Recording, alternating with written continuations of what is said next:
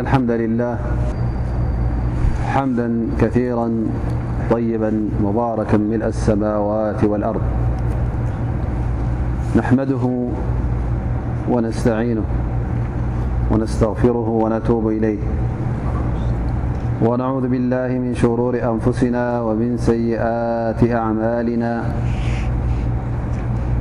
من يهده الله فلا مضل له ومن يضلل فلا هادي له وأشهد أن لا إله إلا الله وحده لا شريك له وأشهد أن محمدا عبده ورسوله وصفيه من خلقه وخليله وصلاة ربي وتسليماته عليه وعلى آله وصحبه ومن استن بسنته واقتفى أثره واتبع هداه إلى يوم الدين يا أيها الذين آمنوا اتقوا الله حق تقاته ولا تموتن إلا وأنتم مسلمون يا أيها الناس اتقوا ربكم الذي خلقكم من نفس واحدة وخلق منها زوجها وبث منهما رجالا كثيرا ونساءا واتقوا الله الذي تساءلون به والأرحام إن الله كان عليكم رقيبا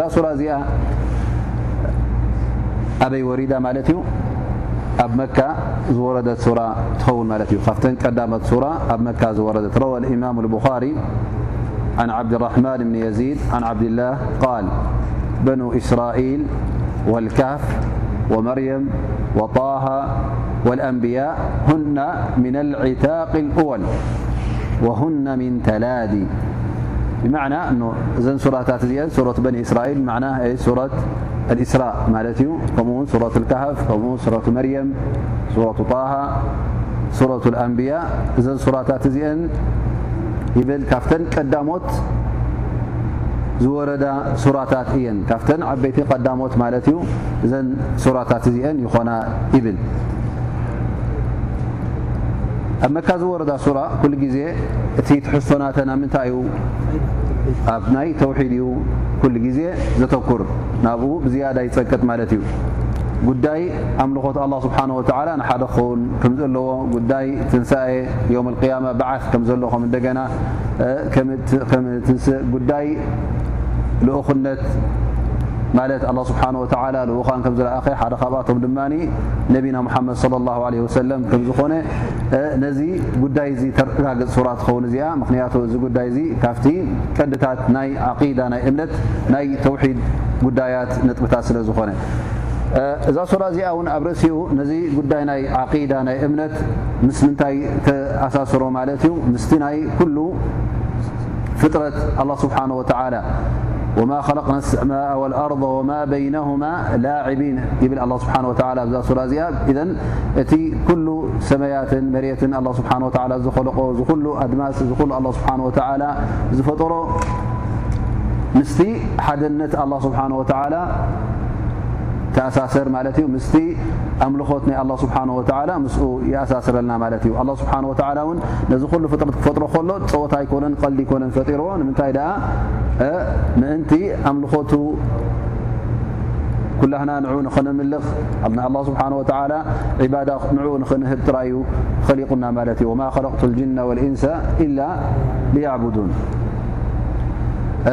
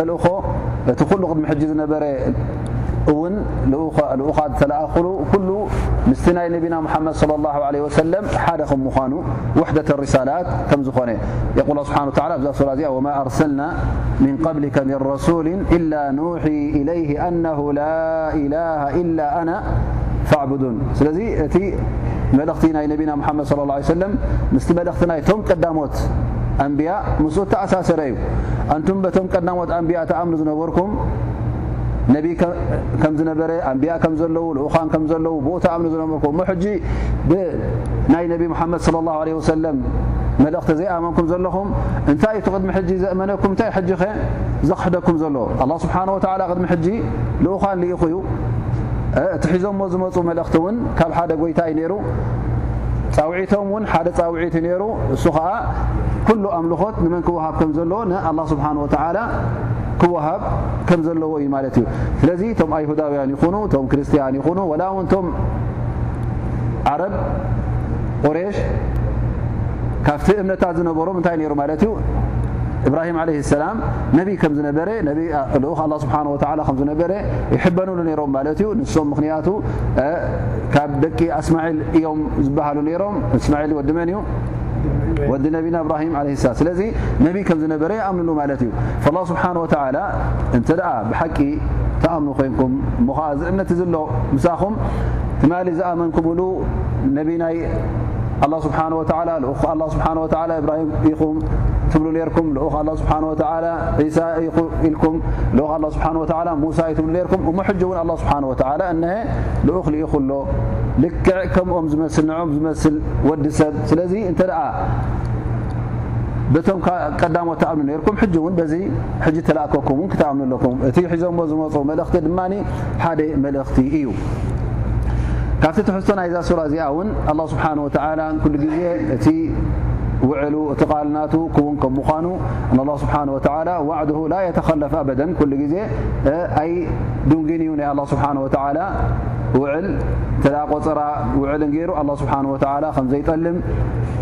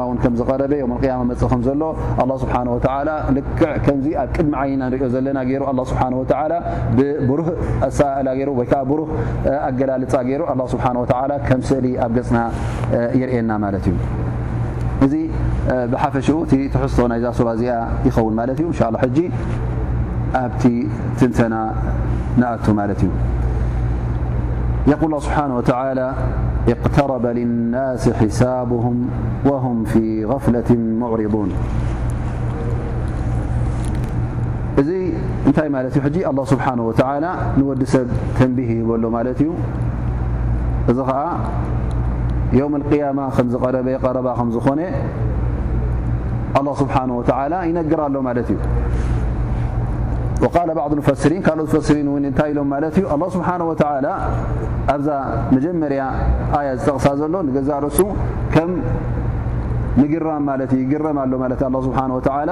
እ ወዲ ሰብ ዮውም ኣልቅያማ ቀሪቡ ከም ምዃኑ እናፈለጠ ከሎ እንታይ ይገብር ወህዋ ፊ غፍላ ኩሉ ግዜ ዘንጊዑ እዩ ዘሎ ማለት እዩ ስለዚ እዚ ነገር እዚ ዘገርም እዩ እናፈለጠ ዮም ኣልቅያማ መፅ ከም ምዃኑ እዛ ሰዓት እዚኣ መዓልቲ ምፅኣ ትመፅእ ከም ምዃና እናፈለጠ ከሎ እሞ ከዓ ኣብኣ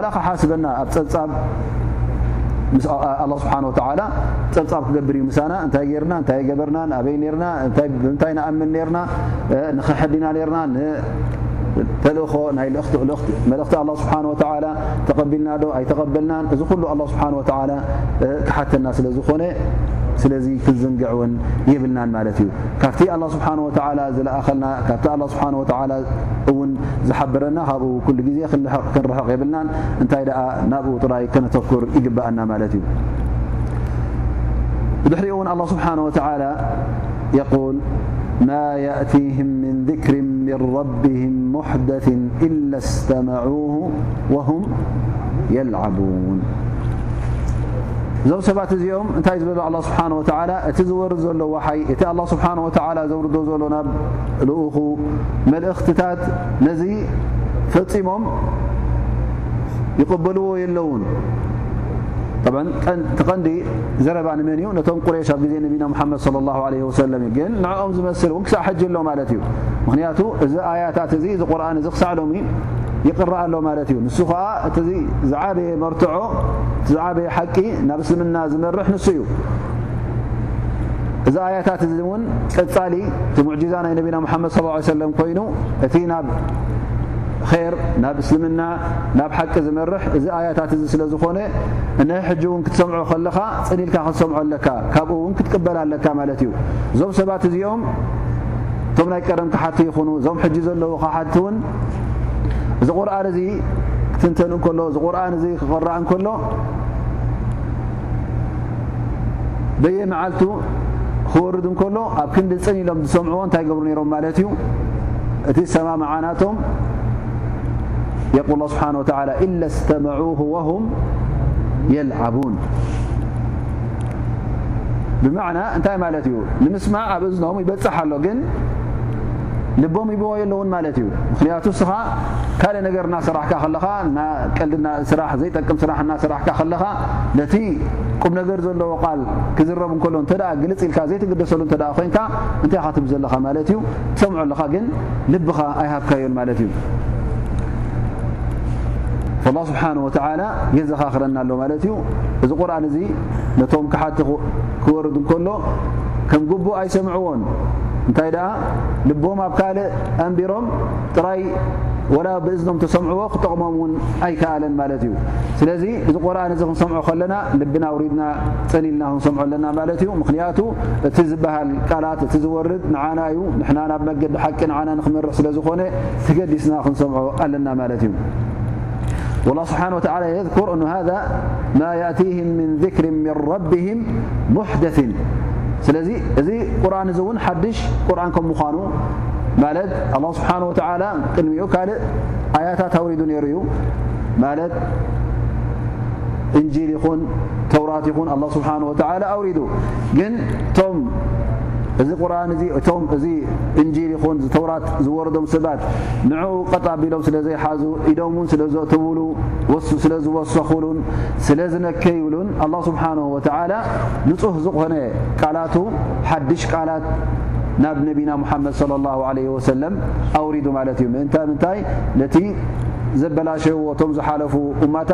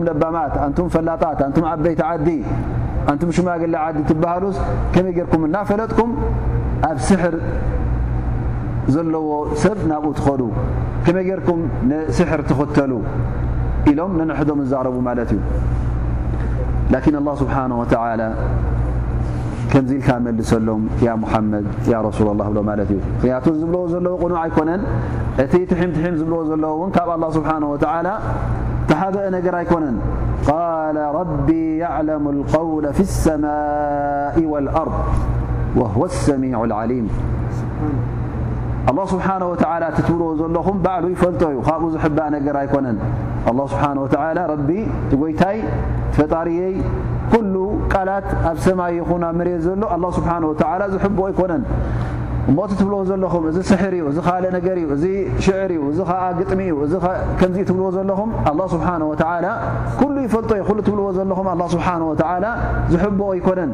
ስለዚ ትሕን ትሕን በሉ ወላ ብታሕትሓ ተዛረቡስ ካብ ኣላ ስብሓን ወተዓላ ዝሕባ ኣይኮነን ላ ስብሓን ወተዓላ ኩሉ ንሕብኡ ነገር ይፈልጦ እዩ እዚ ቁርን እዚ እውን ኣላ ስብሓን ወተዓላ ከውርዶ ከሎ እቲ ኩሉ ናይ ዝሓለፈን ናይ መፃእን ዛንታ ዘለዎ ፈፂምኩም እውን ንዑ ዝመስል ከተምፅኡ ዘይትኽእሉ እቶም ናህኩም ሳሓራ ትብልዎም ዘለኹም ኣምጽዎም እቶም ገጠምቲ ትብልዎም ዘለኹም ይምጽኡ እቶም ክኢላታት ትብልዎም ዘለኹም ይቕረቡ ከምኡ ከምፅኡ ፈፂሞም ግን ኣይክእሉን እዮም እዚ ቃል እዚ ቃል ኣላ ስብሓን ወተላ እዩ ቃል እቲ ኣብ ሰማያትን ኣብ መሬትን ዘሎ ዝፈልጥ ላ ስብሓን ወተላ ወህወ ሰሚዑ ዓሊም ኣላ ስብሓን ወተላ ፍፁም ሰማዒ እዩ ኩሉ ቃላት ኣላ ስብሓን ወተላ ኣብ ሰማይ ዘሎ ይኹን ኣብ መሬት ዘሎ ይኹን ኣብ ኩሉ ቦታታት ካብ ኣላ ስብሓን ወተላ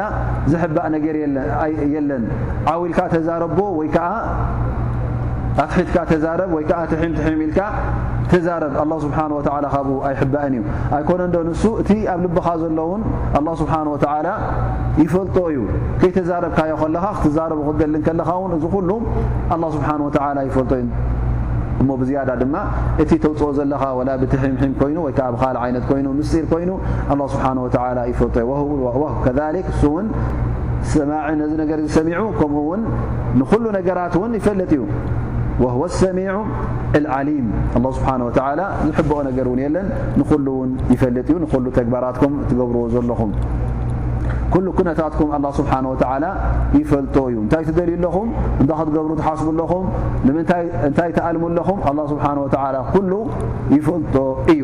እዚ እውን እንታይ ማለት እዩ ነዞም ሰባት እዚኦም ታህዲድ ማለት እዩ ኣላ ስብሓን ወተላ የጠንቅቖም ኣሎ ማለት እዩ ይህድደም ኣሎ ምክንያቱ እንተ ኩሉ ነገራቶም ኣላ ስብሓን ወተላ ይፈልጦ ከም ምዃኑ ይሰምዑ ከም ምዃኑ እንተ በፂሕዎም ድሕሪ ሕጂ ወላቲ ዝኾነ ይኹን ዓይነት ምስጢር ክገብሩ ከለውን ሲ ኣላ ስብሓን ወተላ ስለ ዝፈለጦ ናብ ነቢ ሙሓመድ ለ ላ ለ ወሰለም ከብፅሖ ዩ ሞ እቲ ምስጢርኩም እውን ፅባሕ ንግሆ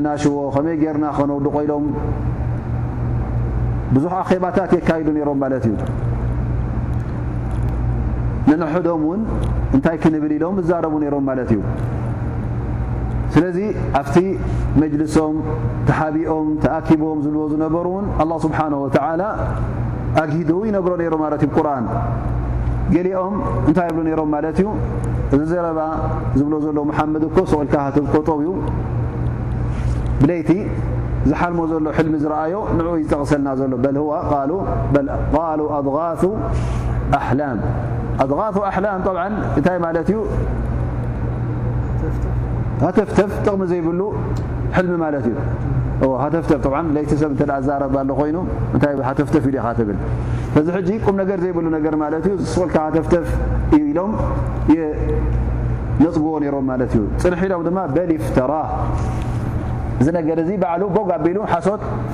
ዝዛረቦ ዘሎ ካብ ረቢ ካብ ጎይታ ካብ ኣላ ስብሓን ወተላ ዝመፆ ነገር የለን እነማ እዚ ሰብ እዚ እንታይ እዩ ባዕሉ ዝመሃዞ ነገር እዩ ሓድሽ ሃይማኖት ንኽፈጥር ደልዩ ሓድሽ ምህዞ ንክገብር ኢሉ ዝገበሮ ኢሎም ይዛረቡ ማለት እዩ ገሊኦም ድማ ነቲ ናይ ቁርን ልኡልነት ምስ ረኣዩ እቲ ኣወዳድቓ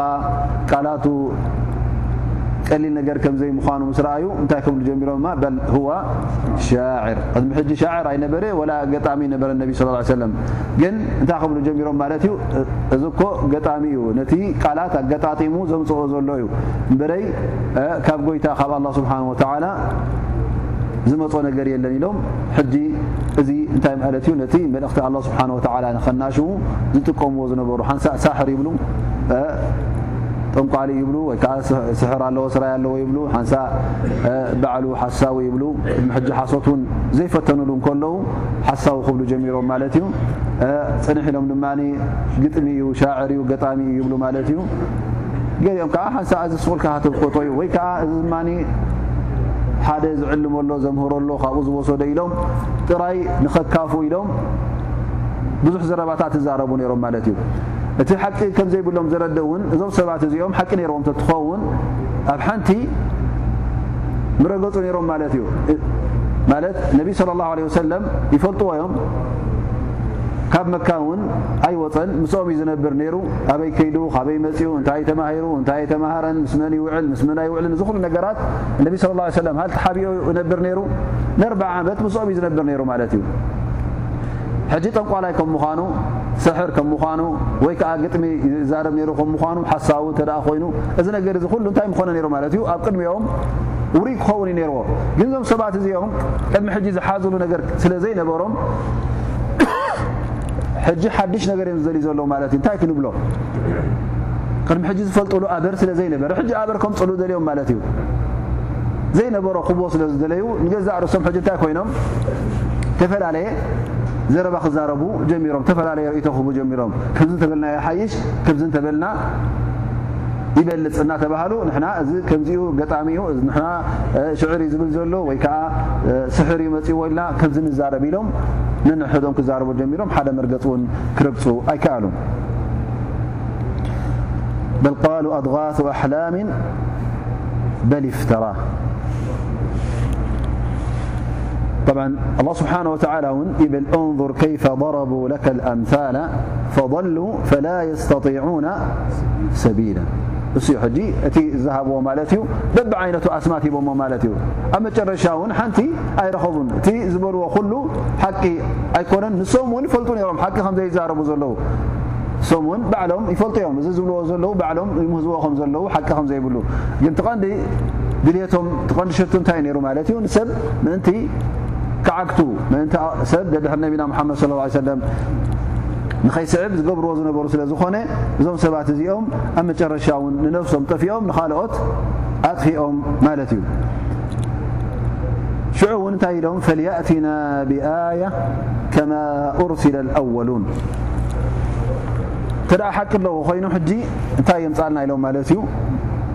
ተኣምር የምጻልና ከምቶም ቀዳሞት ዝነበሮም ከም በዓል ሙሳ ወዒሳ እብራሂም ዝተዋሃቦም ፍልይ ዝበለ ተኣምር ስለምንታይ ዘየምጽእ ኢሎም ክዛረቡ ጀሚሮም ማለት እዩ ብ እዚ ነገር እዚ ንገዛእ ርእሱ ንዕኦም ጥቕሚ የብሉን ምክንያቱ እንተ እዚ ነገር እዚ ኣላ ስብሓን ወላ እቲ ዝጠልብዎ ዘለዉ ተኣምር እንተ ሂብዎም ፅባሕ ንግሆ እንተ ዘይኣመኑ እንታይ ክኾኑ እዮም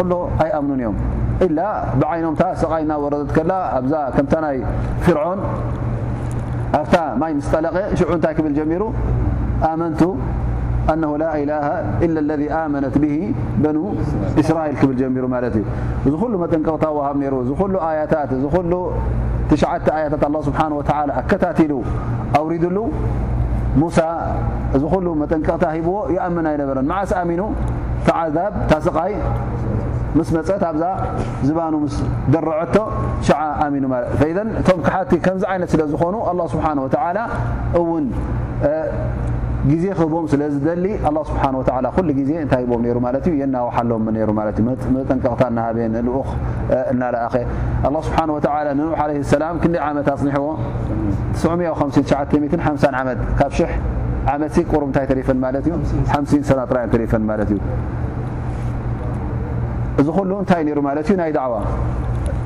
ኣብዚ ኩሉ ዓመታት እዚ እውን ኣይተቐበሉን መጨረሻ ኣላ ስብሓን ወተላ እቲ መቕፃዕቲ ኣውሪድሎም ማለት እዩ ላ ስብሓን ወተላ ኣያታት ኣየውርድን ማለት ኣይኮነን እንታይ እዩ ኣላ ስብሓን ወተላ ኩሉ ግዜ ነቶም ኣንብያ ክድእከቡ እንከሎ ይህቦም እዩ ኣያታት ይህቦም እዩ ተኣምር መእመኒ ዝኸውን መስረጂ ኣላ ስብሓን ወተላ ጭብጥታት ይህቦም እዩ ምክንያቱ ኩሉ ወዲ ሰብ እንተ ናብ ሓድሽ ነገር ክትመርሖ ኮንካ እዚ ዩ ሓቂ ክትብሎ እተ ኮንካ ካብቲ ዝነበሮ ናብ ካልእ መድረኽ ካብቲ ዝነበሮ መትከል ናብ ካልእ መትከል ክትወስዶ እተ ኮንካ ግዴታ እንታይ ክትሕዝ ኣለካ ማለት እዩ ካብቲ ጭብጥታት ናቱ ሒዝዎ ዘሎ ዝበለፀ ጭብጥታት ኣቕሪብካ ኢኻ ናብቲ ካልኣይ መትከል ትወስዶ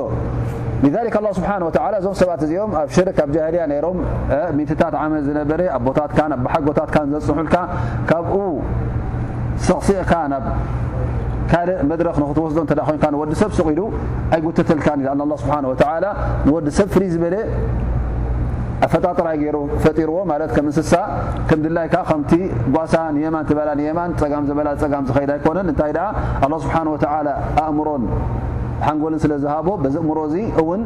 እዩ ዝምራሕ ወዲ ሰብ እንተ ንሓደ ነገር ዘይ ኣብ ታሽሙ ዘይበፅሓሉ እተ ኮይኑ ብቑዕ መስረጂ ዘይረኽበሉ እተ ኮይኑ ዘይኣምነሉ እተ ኮይኑ ወላ እውን ኣሚነሉ እየ እንተበለካ ብመልሓሱ ኣብ መጨረሻ እንታይ እዩ እቲ ናይ ብሓቂ እምነቱ ኣበይ እዩ ዘሎ ማለት እዩ ኣብቲ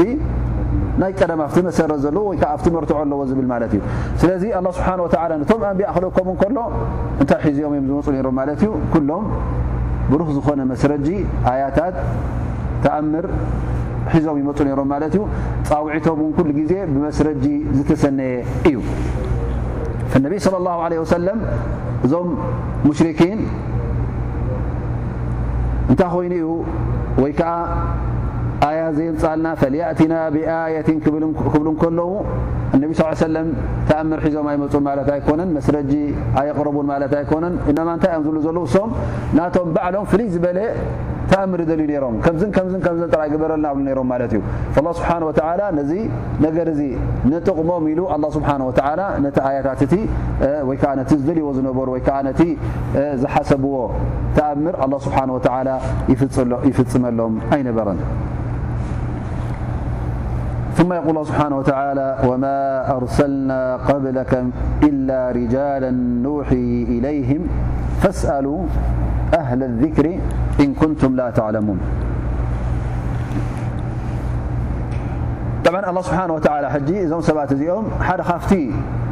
መንጸጊኦም እንታይ እዩ ነይሩ? እንታይ ስለ ዝበሉ እዮም ሀል ሃዛ ኢላ በሸሩን ሚስልኩም እዝስ ሰብ እንዲ ከማኹም እንታይ ክንኣምነሉ ሰብ ከማና ኢሎም ሓደ ካብቲ ንመልእኽቲ ናይ ነቢና ሙሓመድ ስ ላ ሰለም ዝነጸጉሉ እዩ ነይሩ ማለት እዩ ላ ስብሓን ወተዓላ ነዚ ነገር እዚ ይምልሰሎም ኣሎ ማለት እዩ ኣላ እኮ ቅድሚ ሕጂ እቶም ዝለኣኾም ልኡኻን ኩሎም እንታይ እዮም ነይሮም ሰብኡት ደቂ ሰብ እዮም ነይሮም ማለት እዩ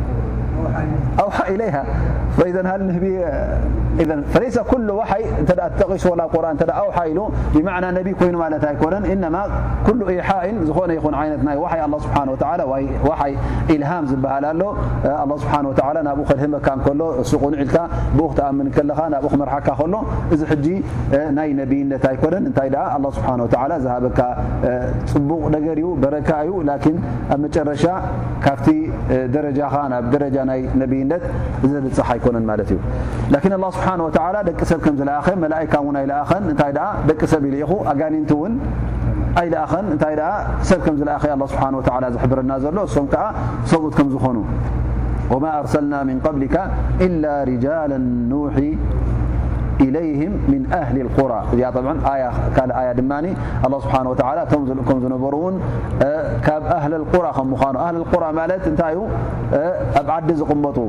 በዱ ኣይኮኑን ማለት ኣብ በረኻ ዝቕመጡ ኣይኮኑን ሰብ ብግሳግም ኣይኮኑን እንታይ ደኣ ኩሉ ግዜ እቶም ኣላ ስብሓን ወተዓላ ዝመርፆም ዝነበሩ ኣብ ውሽጢ ህብረተሰብ ዝነብሩ ተፈልዮም ዘይኮኑ እንታይ ደኣ ምስ ሰባት ዝነብሩ ማለት እዩ ምክንያቱ እዚ ሰብ እዚ ምስ ሰብ ኮይኑ ኣብ ከተማ ኣብ ገጠር ዝነብር እንታይ ኣለዎ ማለት እዩ ምስ ሰብ ርክባት ስለ ዘለዎ ጥዑይ ርክባት ገብር ይኽእል ላ ስብሓን ወተዓላ ንዕኦም ይመርፅ ነይሩ ማለት እዩ ዛክ ነቢ ስ ሰለም ቃል